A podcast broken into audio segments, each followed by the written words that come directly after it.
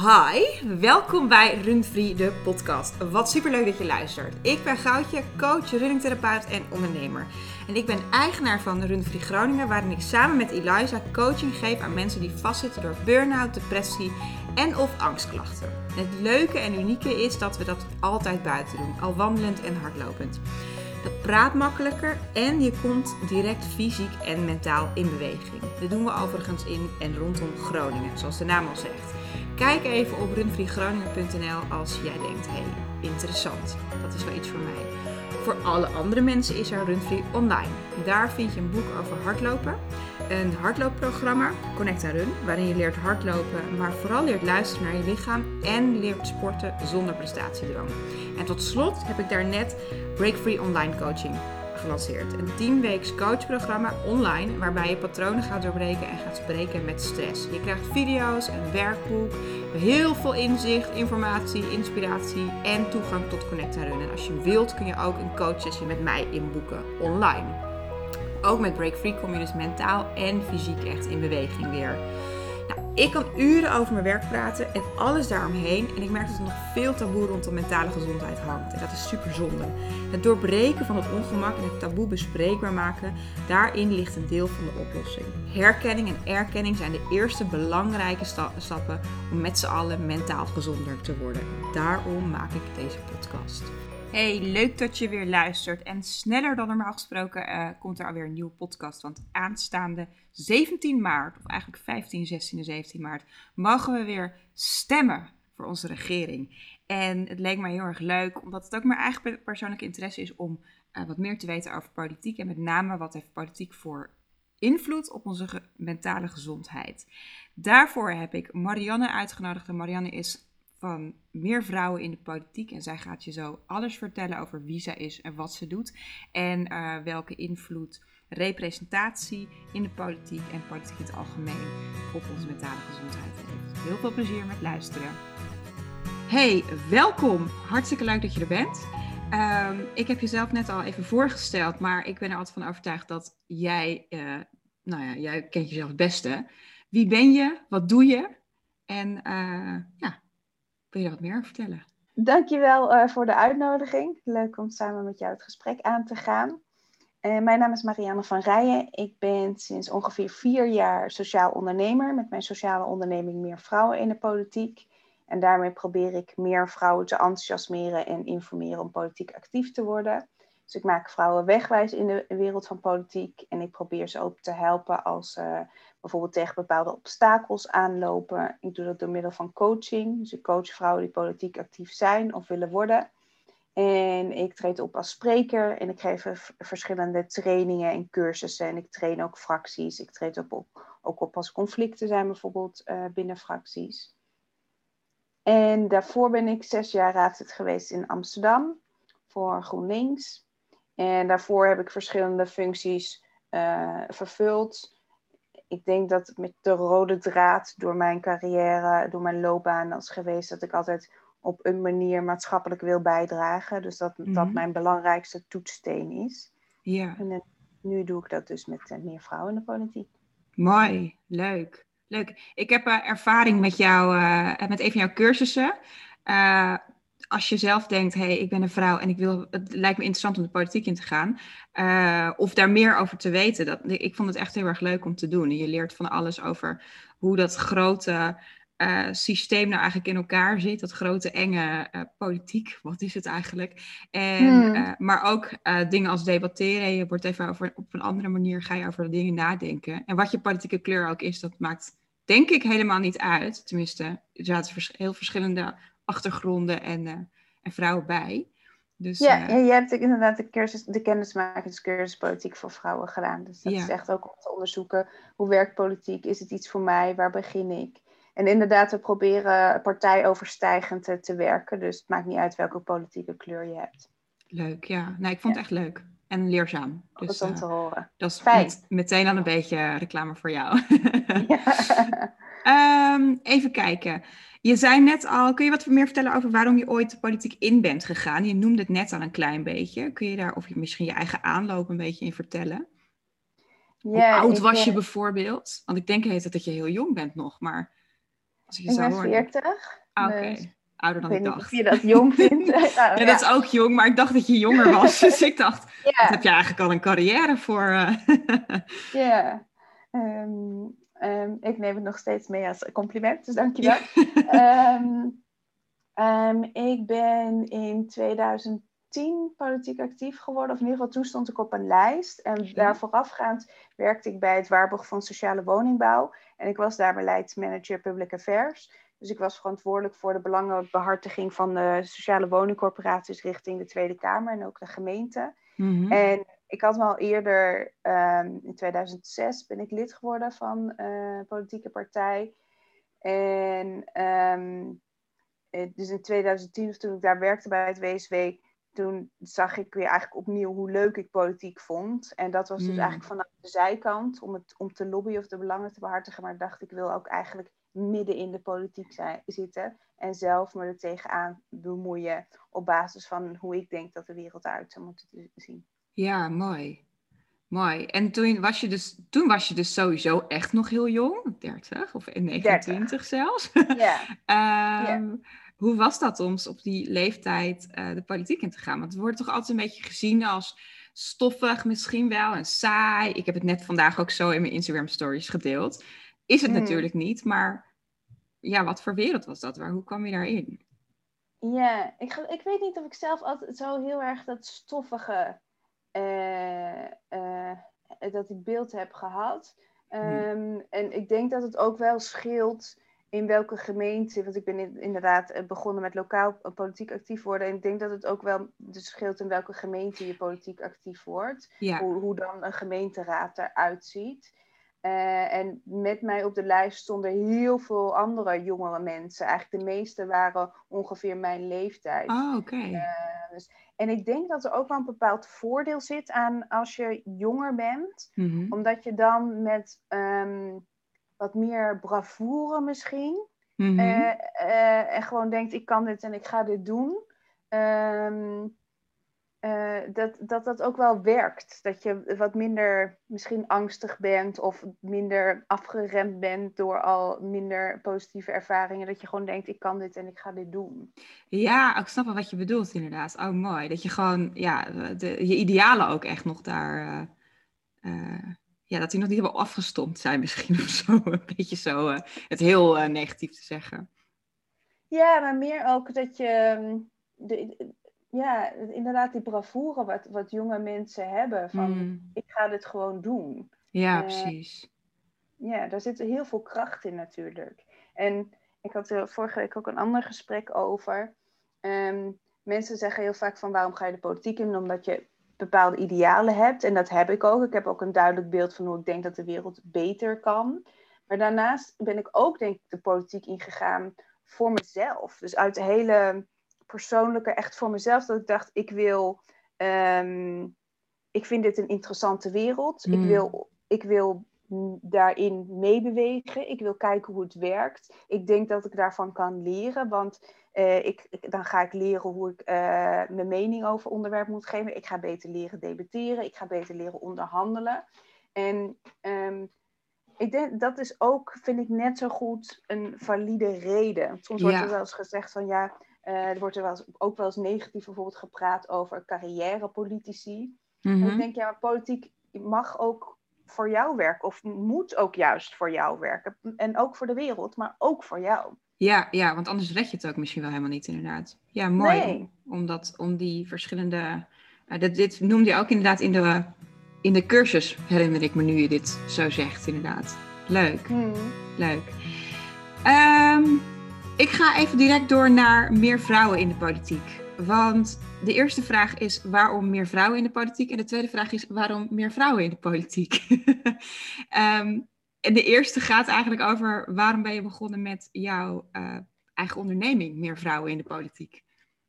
Ja, ehm, ik ben zelf dus zes jaar politiek actief geweest.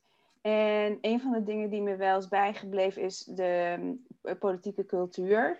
Het is nog heel erg een masculine cultuur. Waarbij eh, bijvoorbeeld degene die harder schreeuwen of zich ehm, meer zeg maar, met zichzelf bezig zijn, meer ruimte krijgen of meer gehoord worden. En Mhm. ik denk juist dat het zo belangrijk is dat er in de politiek ruimte is voor veel meer verschillende soorten mensen. Dus mensen met verschillende ervaringen, mensen met verschillende benaderingen, verschillende perspectieven. Omdat, ik bedoel, politiek eh, is een volksvertegenwoordiging. Dus dan moet ook iedereen uit het volk vertegenwoordigd zijn. En ehm, er werd ook bijvoorbeeld tegen mij gezegd van... ehm, ja, als je niet zo en zo bent of als je niet hard genoeg bent, dan pas je niet in deze politieke wereld. Want het is natuurlijk nou eenmaal een harde wereld. En, en het is nou eenmaal zo dat het een politiek of dat het een harde wereld is. Dat is echt de meest schadelijke uitspraak die je kunt doen. Of het is nou eenmaal zo. Nee, je kunt het veranderen. En ik denk Ja. dat het. eh, dat het alleen maar goed is als het verandert. Dat we, dat we in de, ook in de politiek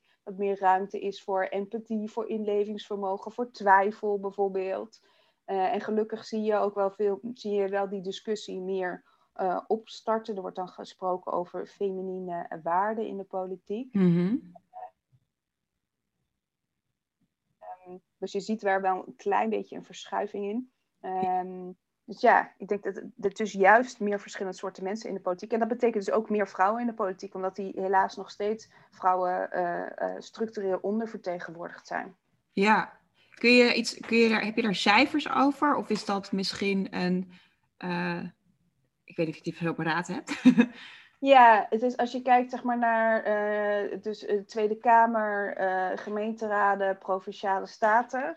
Ehm, dus nationaal en lokaal niveau zit het ongeveer tussen de 32 en, en 36 procent allemaal. Mhm. Het aandeel vrouwen in die, in, in die politieke vertegenwoordiging. Ja. En, ehm, dus dat, en het is eerder wel, bijvoorbeeld voor de Tweede Kamer is het meer geweest. In 2010 was het 40 procent. En ik verwacht wel, omdat we nu bij de laatste verkiezingen eh, zien we dat de politieke partijen heel erg de verantwoordelijkheid hebben genomen om meer vrouwen op verkiesbare plekken te zetten. Dus ik Ja. verwacht dat we echt een sprong gaan maken naar hopelijk misschien wel weer die 40 procent. ja. Ehm, dus dat, ik, dat is echt goed nieuws dat politieke partijen dus die verantwoordelijkheid nemen van ja, inderdaad, we zijn een volksvertegenwoordiging. Dus dat betekent 50% eh vrouwen op verkiesbare plekken.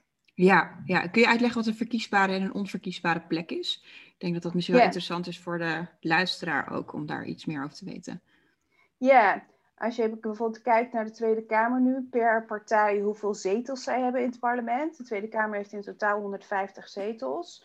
Ehm, en ik weet het niet per partij uit mijn hoofd. Maar stel dat bijvoorbeeld de SP heeft nu, eh, ik zeg het volgens mij niet goed, maar stel ze hebben nu 10 zetels. Ehm, eh, dan weet je, nou dat is ongeveer een richtlijn van wat een verkiesbare plek zou zijn. En we hebben als het goed is nou allemaal de, ons stembiljet gekregen. En de meeste erbij krijg je ook zo'n heel uitgebreid formulier met per lijsten wie er allemaal, eh, wie er allemaal op die verschillende lijsten per partij staat. ja, En dan hebben we natuurlijk de peilingen die aangeven van, en er zijn verschillende soorten peilingen, en die geven dan bijvoorbeeld voor de SP aan, nou dat zit, eh, bij de ene peiling is het dan 8 of 9, of bij de andere is het 12, dus daar schommelt er dan een beetje. ja, Dus het is ook niet eh, zwart op wit te zeggen, dit is een verkiesbare plek, want we weten uiteindelijk niet wat de uitkomst gaat zijn van de verkiezing, maar we kunnen wel een range aangeven dat we voor de SP waarschijnlijk, nou, eh, tussen de 8 en 12 zetels gaan krijgen. ja. En dit is niet de voorspelling, want ik weet even niet uit mijn Nee, snap ik hoor.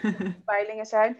Maar dus een verkiesbare plek. En dan weet je dus als je op eh, plek 1 tot en met ehm, eh, 6 staat, dan mag je ervoor uitgaan dat je in de Kamer komt. Maar, eh, en dan is er dus een grijs gebied. En daaronder is een gebied waarvan de kans heel groot is dat je niet in de Kamer komt. Nee, oké.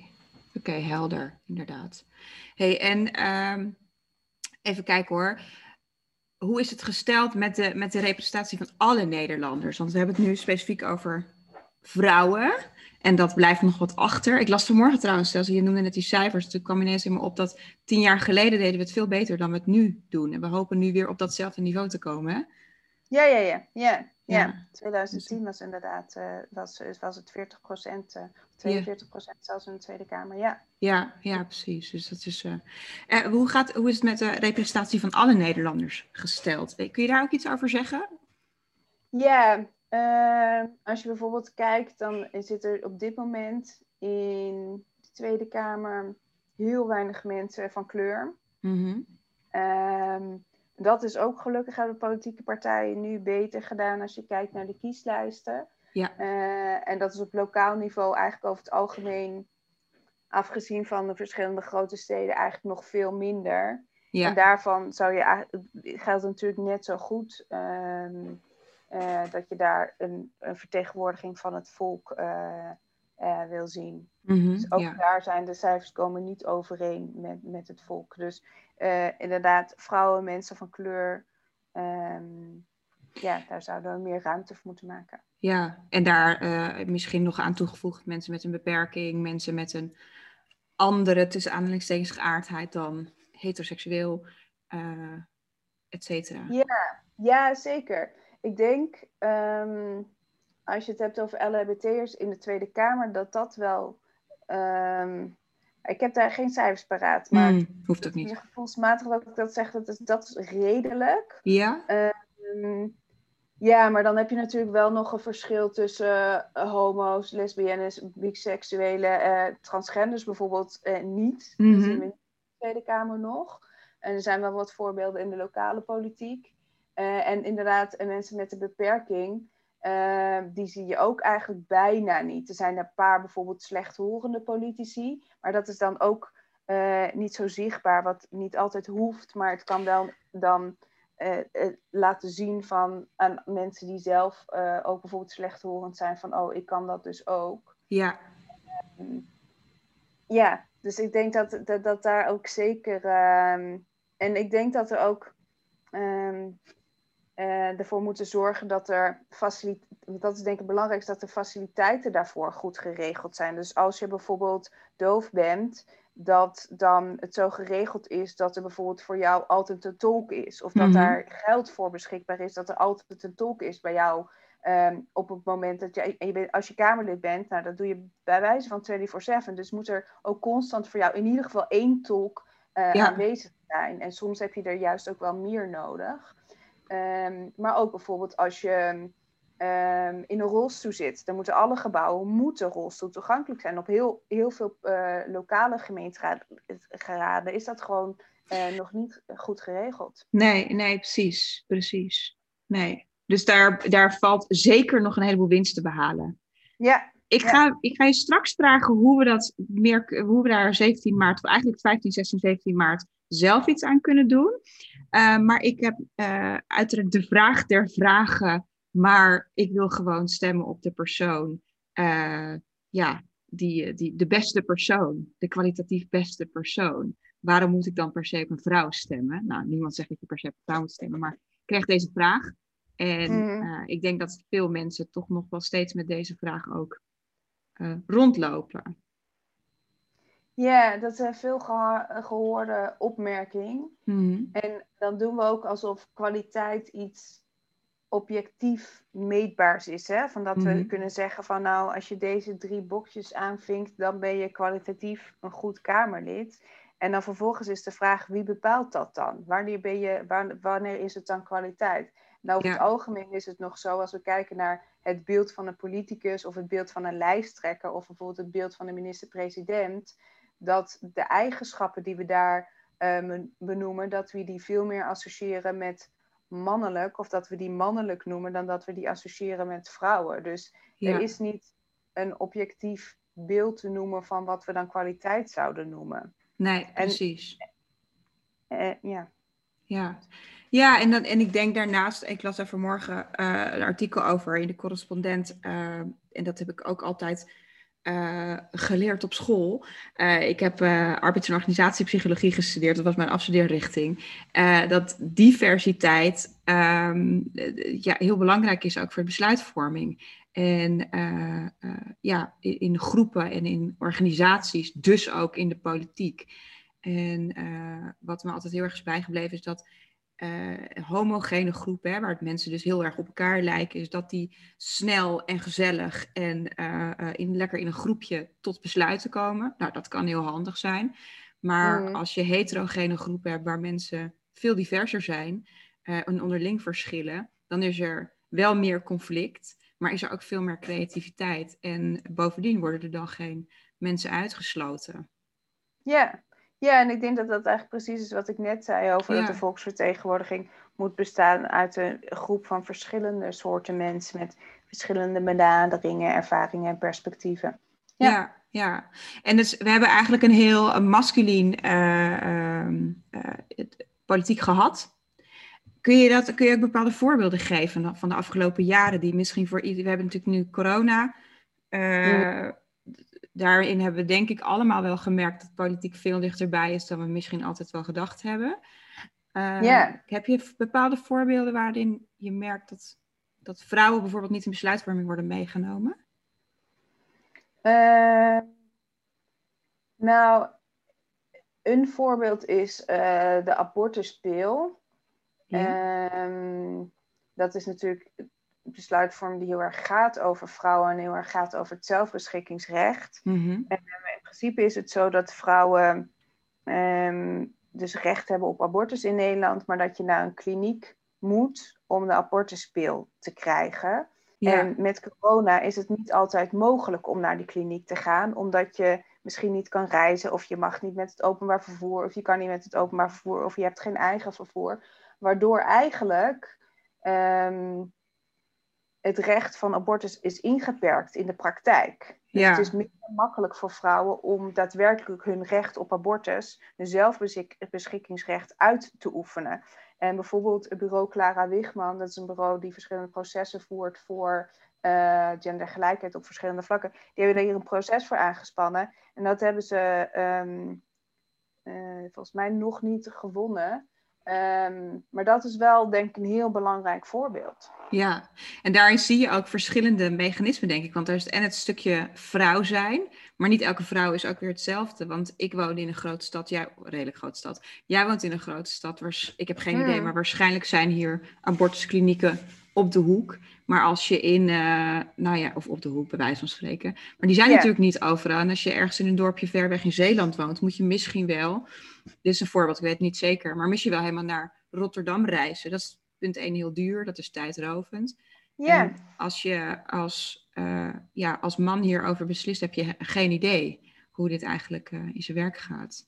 Ja. Ja, ja goed voorbeeld, mooi voorbeeld.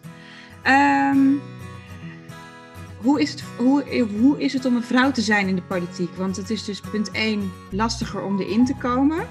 daar hebben we het niet echt over gehad, maar dat kunnen we wel stellen. Want er zijn uh, blijkbaar op dit moment maar 32% zijn geloof ik ongeveer in de Kamer die uh, vrouw zijn. Maar hoe is het dan? Dan ben je er eindelijk, dan zit je daar. Hoe is het dan om, daar te, om daar te zitten? En ja, misschien, je kunt misschien wat uit je eigen ervaring vertellen, maar je hebt ongetwijfeld ook cijfers en, en dergelijke. Ja, nou laat ik beginnen om te zeggen dat politiek ook heel erg leuk is. En mhm. ehm, dat je ook, uh, en het mooie is ook dat ook op welk onderwerp dan ook wat jij belangrijk vindt, daar kun je echt concrete resultaten op bereiken. Voor de groepen die jij belangrijk vindt en voor de onderwerpen die jij belangrijk vindt. En je leert er heel veel van, uh, je creëert een groot netwerk.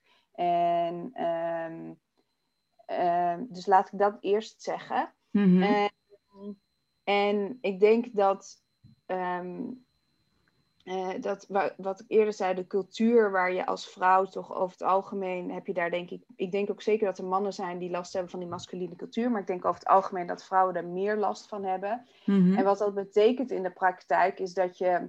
Uh, als je Kamerlid bijvoorbeeld bent, dan ben je dus bezig met het, het werk van volksvertegenwoordiger. Maar daarnaast moet je dus ook, ben je ook bezig met het dealen met het seksisme wat je meekrijgt. Of dat nou online is.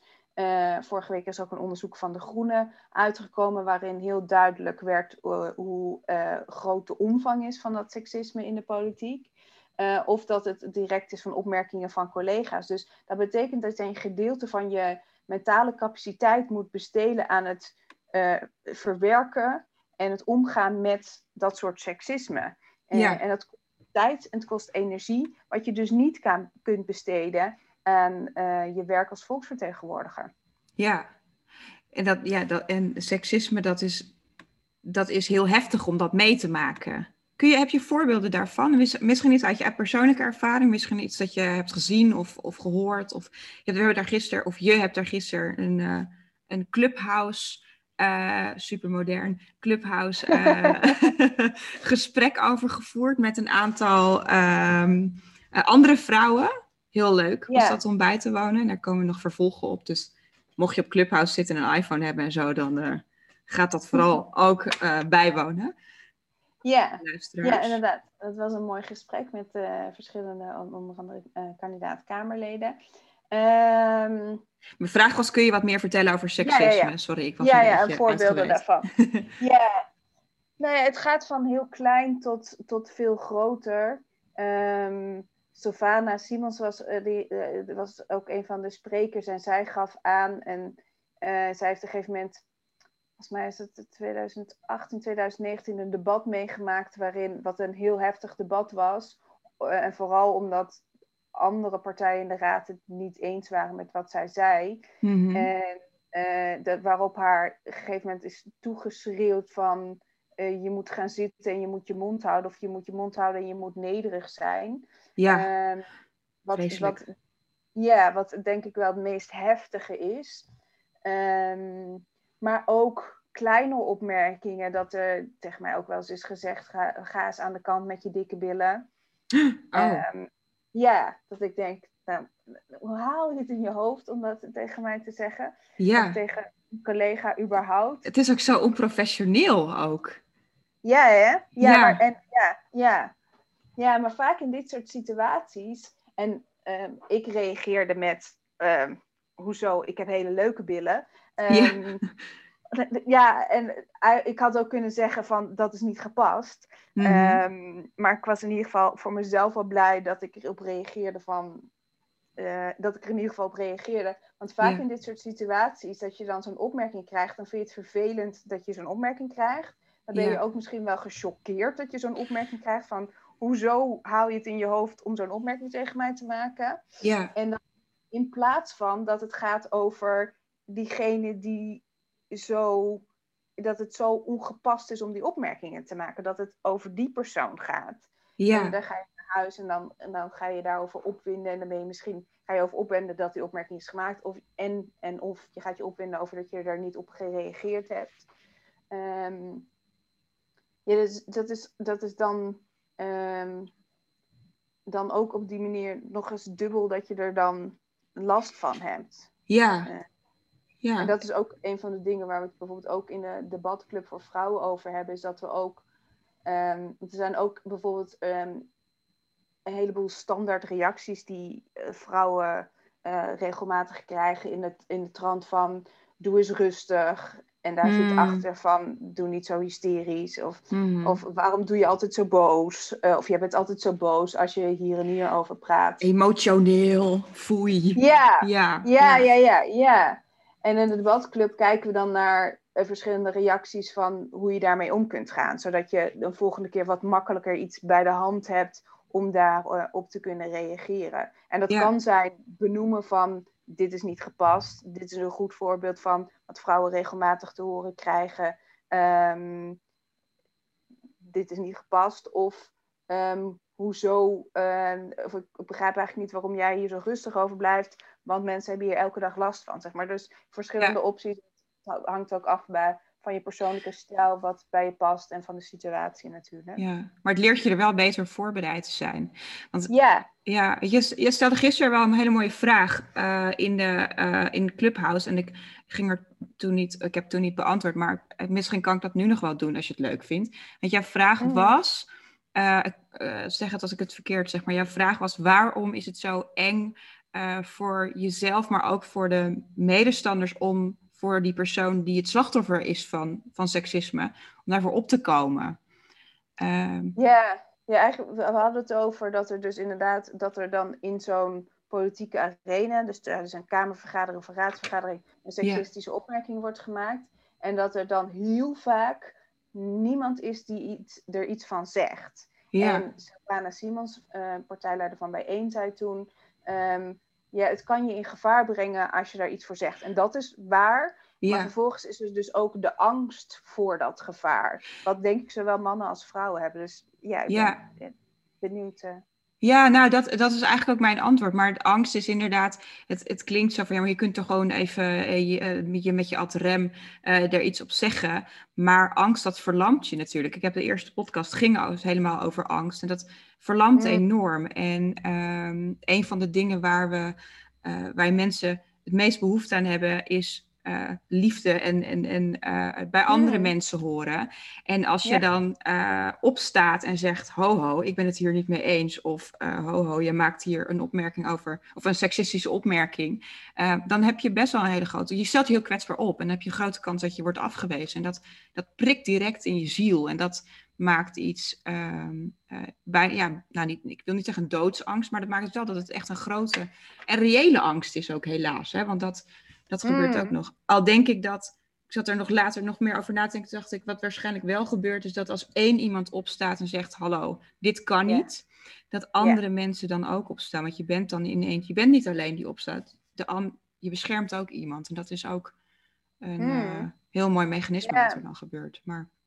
Ja, zeker. En ik, ik denk dat ook omdat er een bepaalde norm is, en dat kwam ook heel erg naar voren in dat onderzoek van de Groene, dat er een bepaalde norm is om er niet over te praten, om het niet te benoemen, om het niet expliciet te noemen. Dus als je het dan wel doet, dan gedraag jij je dus ook buiten de norm. Ja. Dus dan, dan doe je iets anders dan misschien tussen aanhalingstekens van je verwacht wordt. Dus dat is dan altijd uh, een beetje spannend. Ja. Maar wat ik zelf ook bijvoorbeeld wel aanraad aan, uh, aan vrouwen, ook die ik coach of in de cursussen, is een eerste stap kan zijn om het te benoemen op het moment dat het bij iemand anders gebeurt. Ja. Want dan is het misschien wat minder eng of wat minder spannend. En dan gaat het niet over jou als tussen aanhalingstekens slachtoffer. Ehm, en, ehm, en wat helpt is om het bijvoorbeeld te sowieso te bespreken met andere vrouwen in jouw gemeenteraad of staten of in de Kamer. Ja. En, en, en inderdaad wat jij zegt, als, en dat zie ik ook en dat heb ik ook zien gebeuren inderdaad, als één iemand dat zegt, een tweede bijvalt en dan een derde nog zegt, ja inderdaad, tot, en tot hier en niet verder.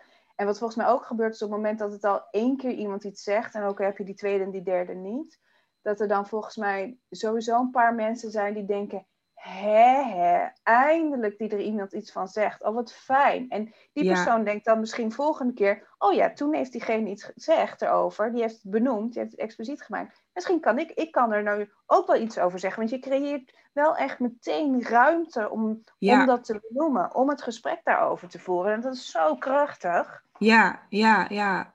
En ik denk dat dat ook precies de reden is waarom het zo belangrijk is dat, dat we dit hier, maar dat je dit ook op Clubhouse, dat het überhaupt bespreekbaar is. Zodat je ook mm. iets hebt om op terug te vallen. En dat je niet. Want ik kan me heel goed voorstellen dat als je als vrouw in de politiek zit, of, dit gebeurt natuurlijk ook in het bedrijfsleven of waar dan ook, uh, helaas uh, overal. Ehm, uh, ik denk dat het heel belangrijk is dat we begrijpen dat dit, dat dit bestaat. Want heel, heel vaak is het zo, het, het is, soms is het heel duidelijk, maar het is heel vaak ook heel subtiel. Dat iemand met een inhoudelijk standpunt komt en daarachteraan zegt schatje of iets dergelijks. Ja, dat is. Ja. ja. En, en dat. ik vind, ik, ik snap de opmerking. En die mhm. werd gisteren ook gemaakt. Van heel vaak is het misschien niet duidelijk of zichtbaar dat het seksisme mhm. is. Maar ik denk dat het in de praktijk gewoon heel vaak meevalt dat het niet zichtbaar zou zijn. Het is meer dat we daaraan gewend zijn. Dat we het tussen aanhalingstekens normaal vinden. Dat we zeggen, ja, dat hoort er nou eenmaal bij. Klopt, dat, en daar ben ik helemaal met je eens. En, en ik denk ook dat we het buiten dat altijd voelen. Zeker als vrouw voelen ja. het. Ja. ja. Ja, dat denk ik wel. Maar ik bedoel meer ook als je uh, in die zin, je voelt het altijd als vrouw van hé, hey, hier klopt iets niet. Um, maar om het dan vervolgens aan te tonen, dat kan best spannend zijn. Dat bedoelde ik meer voor als je het jezelf Zeker. overkomt. Ja. Zeker. Met een Zeker. stukje en subtiel. Het is natuurlijk ook dat dit is iets, zeg maar, de manier waarop we met mannen en vrouwen omgaan. En hoe we anders met mannen en vrouwen omgaan, is iets wat ons vanaf nul af aan is aangeleerd. En zowel ja. mannen hebben dat geleerd als vrouwen hebben dat geleerd. Dus ook voor vrouwen geldt dat we het ook geïnternaliseerd mm -hmm. hebben heel vaak. En dat het echt, je moet het weer actief afleren. Dus heel vaak denk je misschien ook, of ben je nog niet misschien volledig bewust van, oh ja, dit kan eigenlijk echt niet. Mm ja. duurt dat dan even en inderdaad, dan denk je misschien tien minuten later over van, hé, hey, wat gebeurt hier nou eigenlijk? Wat voel ik nou eigenlijk al de hele tijd zo prikken inderdaad? Ja, wat, wat Was, waarom voel ik me hier niet helemaal uh, goed bij inderdaad? Ja. ja. ja. Mooi, ja, nou mooi, niet mooi, maar wel belangrijk om, uh, om dit uh, te bespreken en ook om hierover na te denken voor, voor alle vrouwen. En mannen overigens. Ik weet niet of er mm, veel mannen luisteren. Zeker. Maar absoluut wel, inderdaad. Ja. Waarom is het belangrijk voor onze mentale gezondheid dat er meer vrouwen slash meer representatie in de politiek is, specifiek? Mhm. Kun je daar een antwoord op geven? Weet je daar? Ehm, ja, ik denk dat het ehm, belangrijk is om jezelf vertegenwoordigd te zien. Ik denk dat het, om, omdat je dan het gevoel hebt dat politiek ook over jou gaat. En dat, dat jij als, en hoe je je dan ook identificeert, dat, dat er ook ehm, aan jou gedacht wordt. Op het moment dat Mhm. er beleid wordt gemaakt, dat er rekening wordt gehouden met jouw eh, ervaringen. In Ja. plaats van dat je het gevoel hebt dat ze in Den Haag ver van jou, ver van je bed, van alles zitten te bedenken, waarbij ze helemaal niet na hebben gedacht over jouw specifieke situatie of jouw eh, situatie of ervaring waar, eh, wat je met een hele grote groep an- andere mensen deelt. Ja, ik denk ook in wat je zegt inderdaad, dat je het een soort van gevoel van ehm, dat- je ook inspraak hebt, zeg maar. Dat het over je gaat, dat, je Mhm. niet, dat je niet helemaal machteloos bent, dat wilde ik zeggen. En Dat is natuurlijk ook een heel naar gevoel. Ja, Ja, en ik denk dat wat je eerder zei, dat we het nu met de corona heel goed zien, is dat, ehm, denk ik, wat voor grote groepen ondernemers heel erg moeilijk is, dat er voor winkeliers bijvoorbeeld, dat er geen verruimingen komen voor eh, eh, ehm, dat ze hun winkels open Nee, zijn er nu wel, maar of voor Mhm. horeca, dat, dat hoe boos ze zijn, en ik kan me heel goed voorstellen over dat ze eh, hun, hun omzet of hun, hun, hun, hun, hun spaargeld, dat ze dat zien eh weg hebben. Ehm, dat is zo'n goed voorbeeld wat ik denk heel, heel veel... En nu is het zo expliciet, hè? En er wordt Ja. ook expliciet. Er zijn de grote... De horecavereniging spreekt zich daarover uit van... Jullie hebben niet genoeg aandacht voor onze zorgen.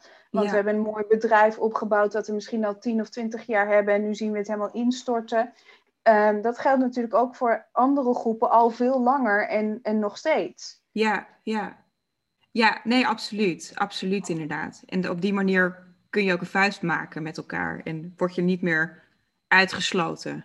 En dat geldt natuurlijk voor vrouwen en voor, voor welke groep dan ook. Of groep of intersectie van welke groep dan, eh, dan ook maar, inderdaad. Ja, en ik hoop ook dat een beetje dat beeld en dat idee dat als je inderdaad eh, eh, man bent of ehm, niet tot een andere groep behoort die misschien minder privileges hebben, dat zeg maar, als je je kunt verplaatsen in inderdaad die horeca-ondernemer die het nu heel zwaar heeft en die boos is op de politiek, dat je je misschien ook makkelijker kunt verplaatsen in die vrouw die gefrustreerd is in de, in de politiek of die persoon van kleur die gefrustreerd is in eh, hoe de politiek omgaat met eh, nou, verschillend beleid. Ja, ja, precies. Dat denk ik ook inderdaad. Bovendien ehm, denk ik ook zelf vanuit mijn eigen ehm, ja, mening, denk ik. Eh, je noemde het net al even, dat het is heel masculien op het moment. eh, of, of geweest eigenlijk. Eh, ik denk dat het heel belangrijk is dat er ook een bepaalde mate, mate van kwetsbaarheid zichtbaar is. Want alleen op die manier, want dat, dat is di- direct eigenlijk goed voor eh, ieders mentale gezondheid. Dat dat er allemaal mag zijn en dat het niet altijd maar perfect hoeft te zijn. Dat er fouten mogen worden gemaakt.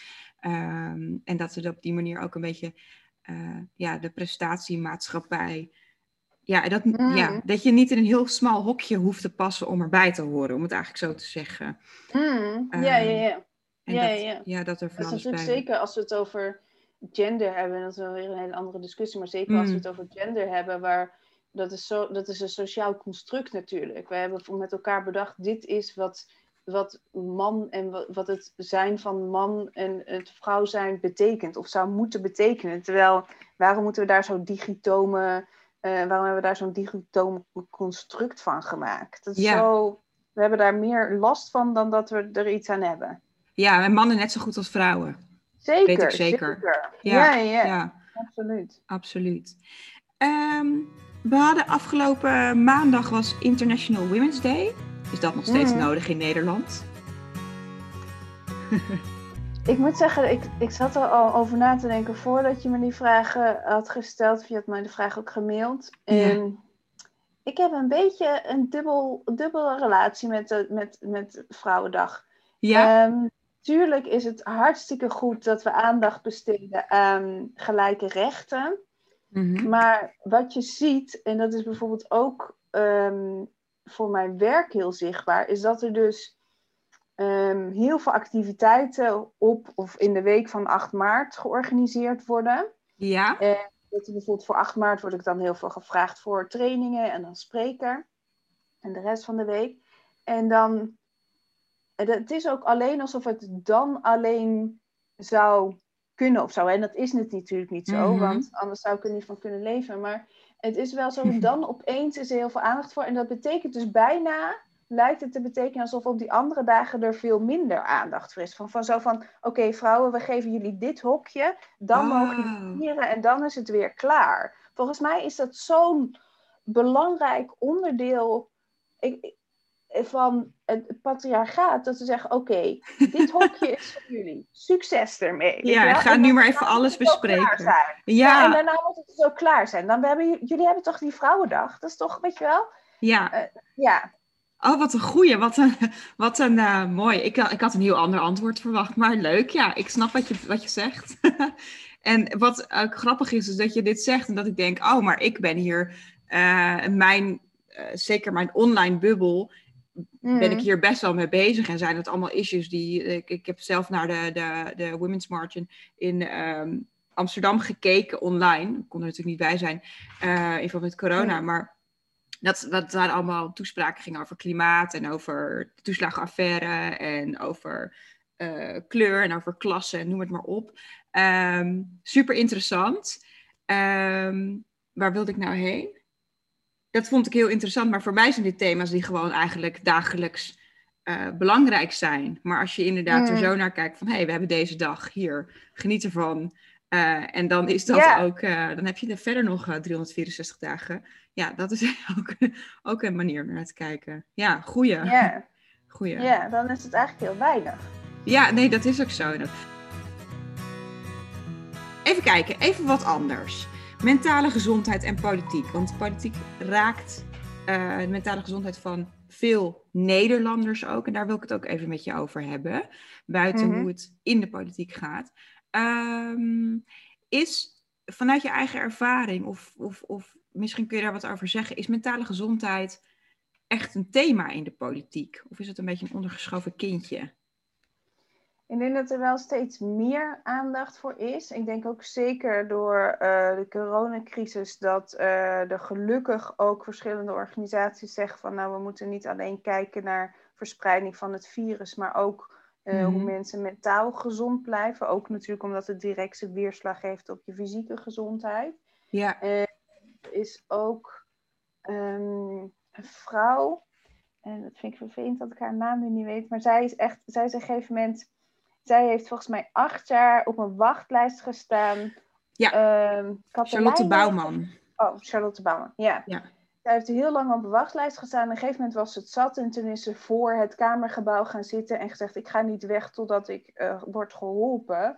Wat natuurlijk ontzettend krachtig is, mhm. maar ook gewoon aangeeft hoe erg het ermee is gesteld dat als je dus um, uh, hulp nodig hebt en, en daarna op zoek gaat, dat je daar zo lang moet wachten totdat je het krijgt in de klas. Volgens mij gisteren ook een bericht dat uh, het alleen maar, die, die problemen alleen maar zijn toegenomen. En dat het ook voor jongeren, voor wie de, uh, dit, de, deze situatie ook heel erg moeilijk is, ook heel erg moeilijk is om nu um, om hulp te krijgen. Om, ja. om toegang te krijgen tot de GGZ.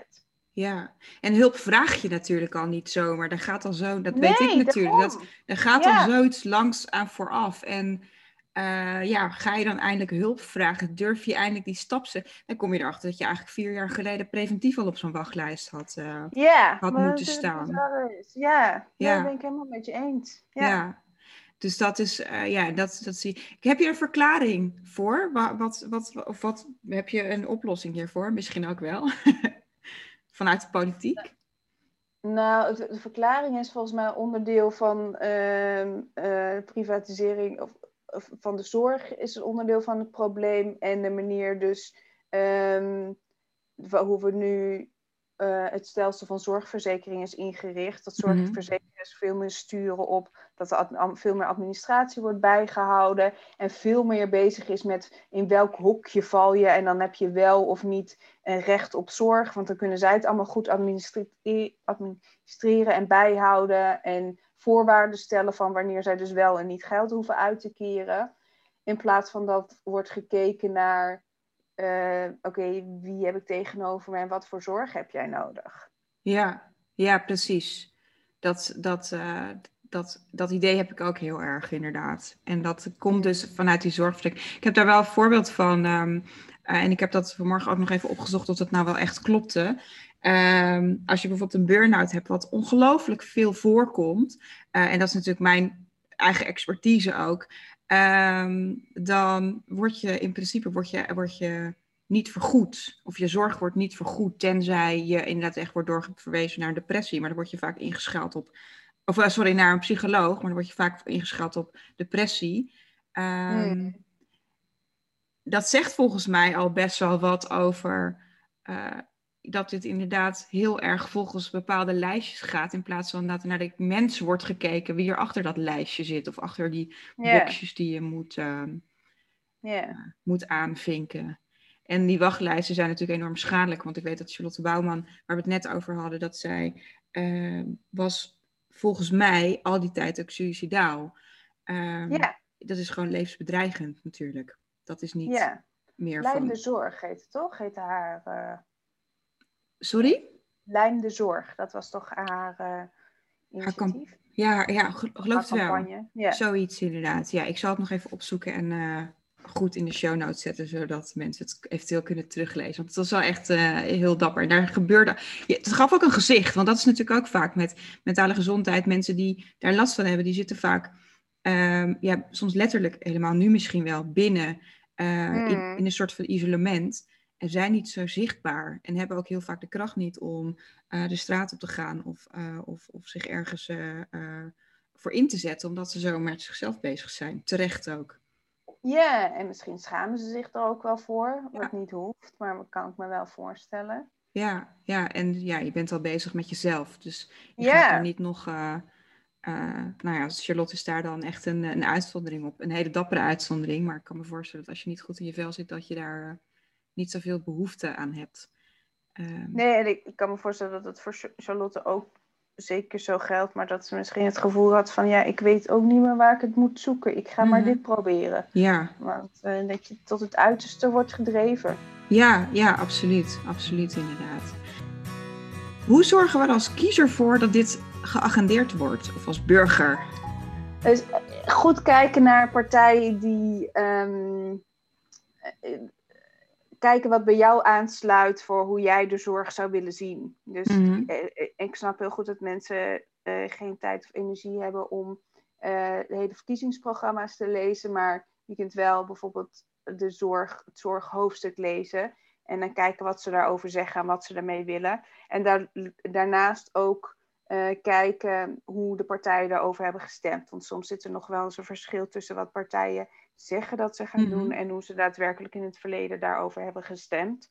En um, volgens mij is dat een goede indicator over hoe ze daar in de toekomst mee omgaan. Ja, oké, mooi. Goeie. En dan op die partij stemmen natuurlijk, ja. Ja, ja, ja, ja, dat is het belangrijkste stukje inderdaad. Stemmen. Stemmen, sowieso. Dat, dat, dat is sowieso de allereerste inderdaad. Dan wil ik nog heel graag kort hebben met je over de economie. En dan kan, kan ik me voorstellen dat je als luisteraar denkt, economie, politiek, mentale gezondheid, wat heeft dat nou mee, mee te maken? Maar ik zal het even verduidelijken. Ik dacht altijd dat um, de economie, nou, die groeit altijd of vaak in Nederland en dat is goed. Uh, coronatijd na dan, maar dat is goed voor iedereen. En um, dat heeft altijd een positief effect op iedereen, want hoe meer de economie groeit, hoe rijker iedereen is, hoe meer welvaart, et cetera. Maar Laatst luisterde ik naar een podcast waarin Sander Heijnen te gast was. En hij schreef het boek Fantoomgroei. En daarin stelt hij, dat laat hij zien, dat als de economie groeit, dat dit voornamelijk geldt voor bedrijven en rijke mensen en niet voor de armere mensen. Weet jij hier wat meer over en kun je hier wat meer over vertellen? Of zeg ik iets heel geks?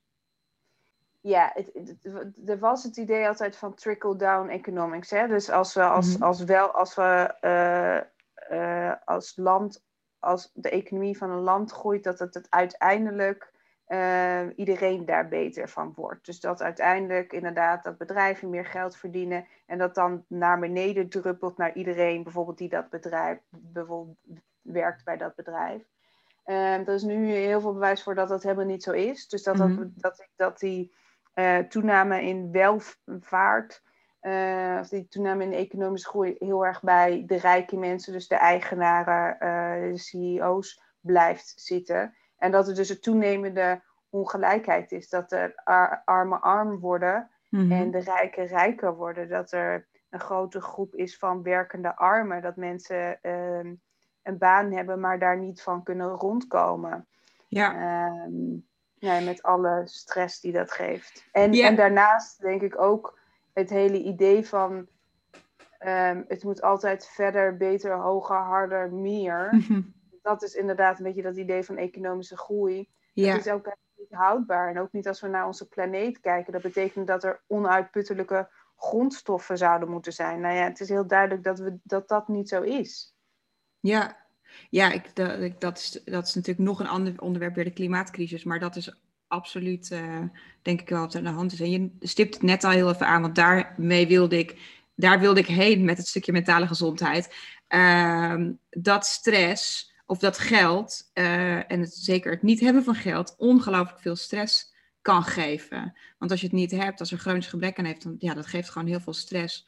En dat zorgt weer voor veel problemen. En dat zorgt er ook voor dat je, ja, je zei net al een keer, noemde je het woord mentale capaciteit, uh, een ander onderwerp. Maar ja, als jij continu bezig bent met um, uh, je loon binnenhalen en verder is er geen tijd meer voor ontspanning of wat dan ook, dat is niet goed voor je uiteindelijk. Um, nee. En dat is denk ik wel iets om ook uh, in acht te nemen als we gaan stemmen volgende week. hmm.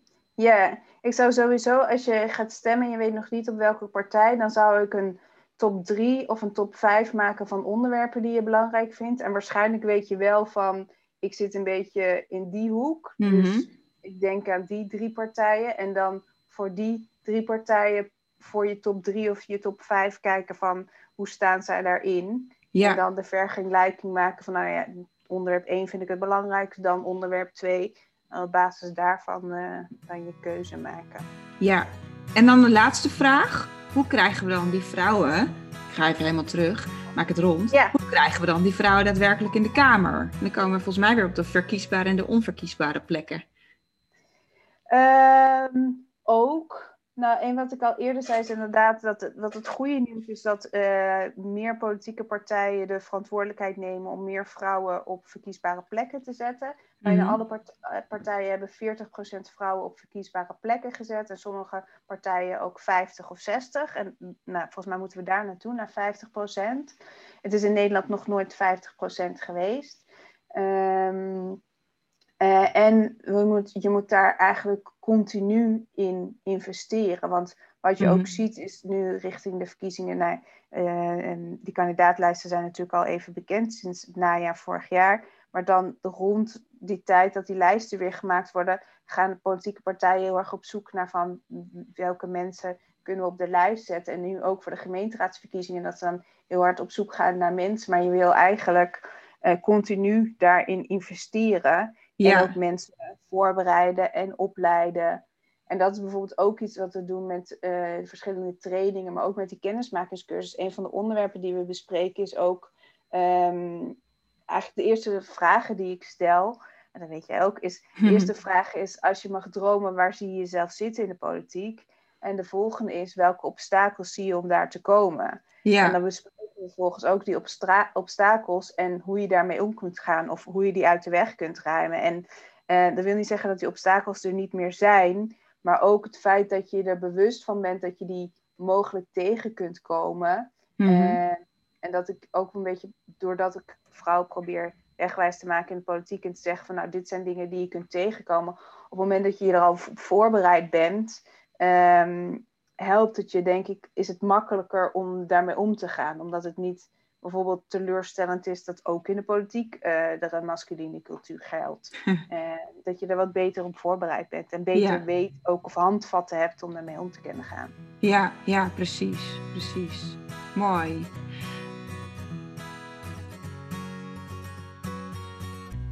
Ik ga je de aller, allerlaatste vraag stellen. En die gaat helemaal niet over politiek. Um, ik ben uh, groot voorstander van perfectionisme uit de wereld helpen, de prestatiemaatschappij omver, omverwerpen, meer kwetsbaarheid. En ik denk dat het heel erg nuttig is om, en ook leuk gewoon, om ehm, te weten uh, of om te zien dat andere mensen ook wel eens falen. Want we zijn met z'n allen best wel een beetje faalangstig geworden misschien. Um, wat is je grootste fuck-up? Mijn grootste fuck-up? Ik denk dat er uh, vast een heleboel zijn.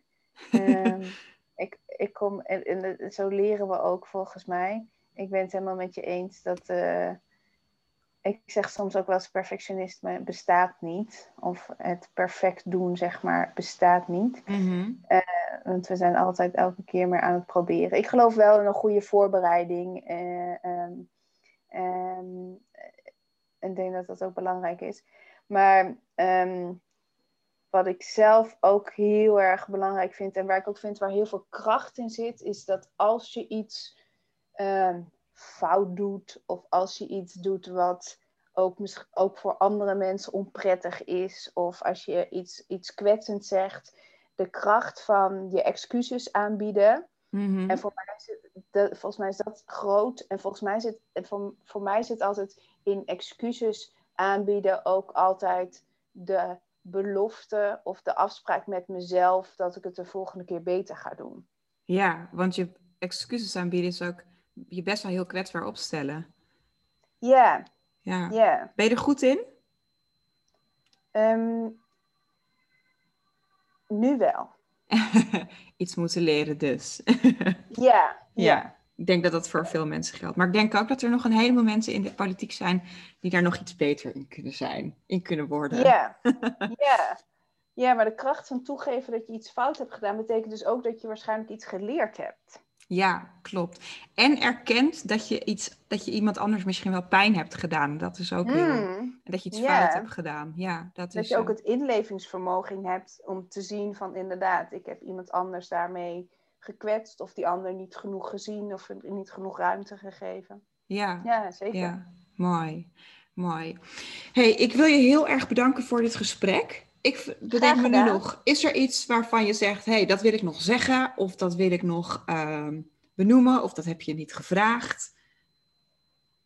Nee, behalve dat als je meer wil weten over meer vrouwen in de politiek, kun je kijken op de website meervrouwenindepolitiek.nl of op onze Instagram eh, pagina. En er staat ook alle, op onze website staan ook de verschillende cursussen en trainingen en over de coaching die we aanbieden. Leuk, ja. Als jij het niet had gezegd, had ik het uh, in de outro zeg maar nu. En ik zal het sowieso even in de show notes uh, vermelden. Helemaal dus, goed, dankjewel. Dankjewel voor dit gesprek, Goudje. Jij ook heel erg bedankt. En ik wil je heel erg veel succes wensen met alles. Dankjewel. dankjewel. Jij ook. Dank je.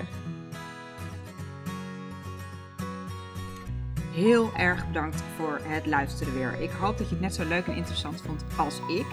En uh, ik hoop ook dat je, natuurlijk het een en ander geleerd hebt weer. En als je dat hebt, deel dan deze podcast zoveel mogelijk. Bijvoorbeeld door een screenshot te maken en het je stories te delen en mij te taggen. Vind ik leuk ook. Uh, of om door uh, sterretjes achter te laten, beoordelingen. Daar worden we heel erg blij van. Want hoe meer mensen we bereiken, hoe meer impact we kunnen maken. En hoe bespreekbaarder we het onderwerp mentale gezondheid uh, maken. Marianne vertelde zelf al even waar je haar kunt volgen. Onder andere op Instagram en haar website meervrouwenindepolitiek.nl. Ik denk dat het goed vindbaar is, maar ik zet het ook nog even voor je in de show notes. Dan heb je een directe link. En um, wil je meer weten of zit je zelf niet lekker in je vel? Kijk dan vooral even op runfrieonline.nl of runfriegroningen.nl voor coaching, artikelen, blogs, andere podcasts. En dan zijn wij er over twee weken dit keer. Zijn we er weer. Dan gaan we een podcast houden over slaap. Met gasten uiteraard. Oh, en vergeet natuurlijk niet te stemmen, want jouw stem is heel erg belangrijk. Zeker nu. Doeg doeg.